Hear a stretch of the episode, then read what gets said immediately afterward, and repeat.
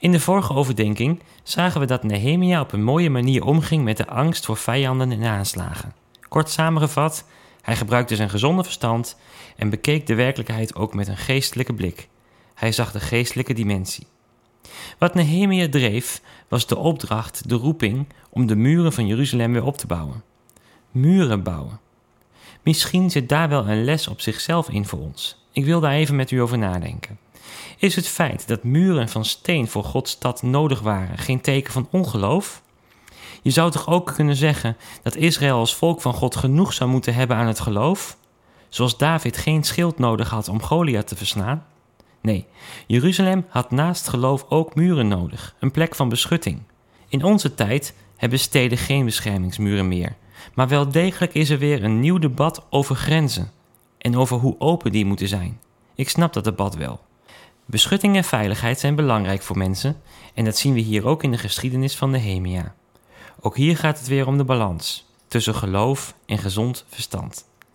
Nehemia maakte hoge muren met goed afgewerkte poorten.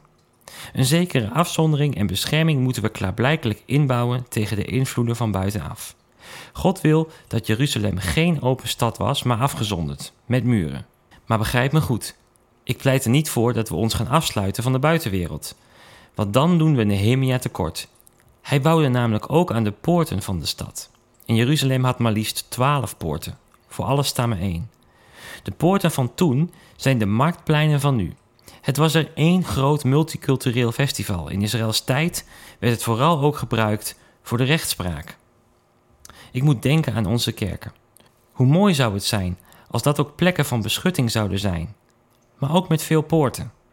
Ik denk dat Gods volk echt wel een beschuttingsplek nodig heeft, een plek waar veiligheid en rust ervaren kan worden, en waar in de poorten van de kerk plekken zijn voor ontmoeting en voor het gesprek over recht en gerechtigheid.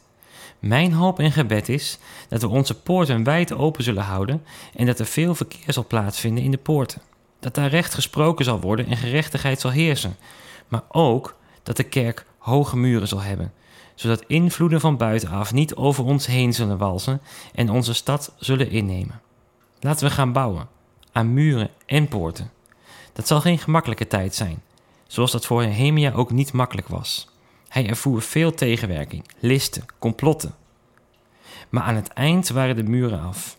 En hij zegt dan zelf: Toen de volken rondom ons, onze vijanden, dat hoorden, werden ze bang en voelden ze zich klein, omdat ze beseften dat dit werk door onze God tot stand was gebracht. Daaraan wil ik graag mijn steentje bijdragen.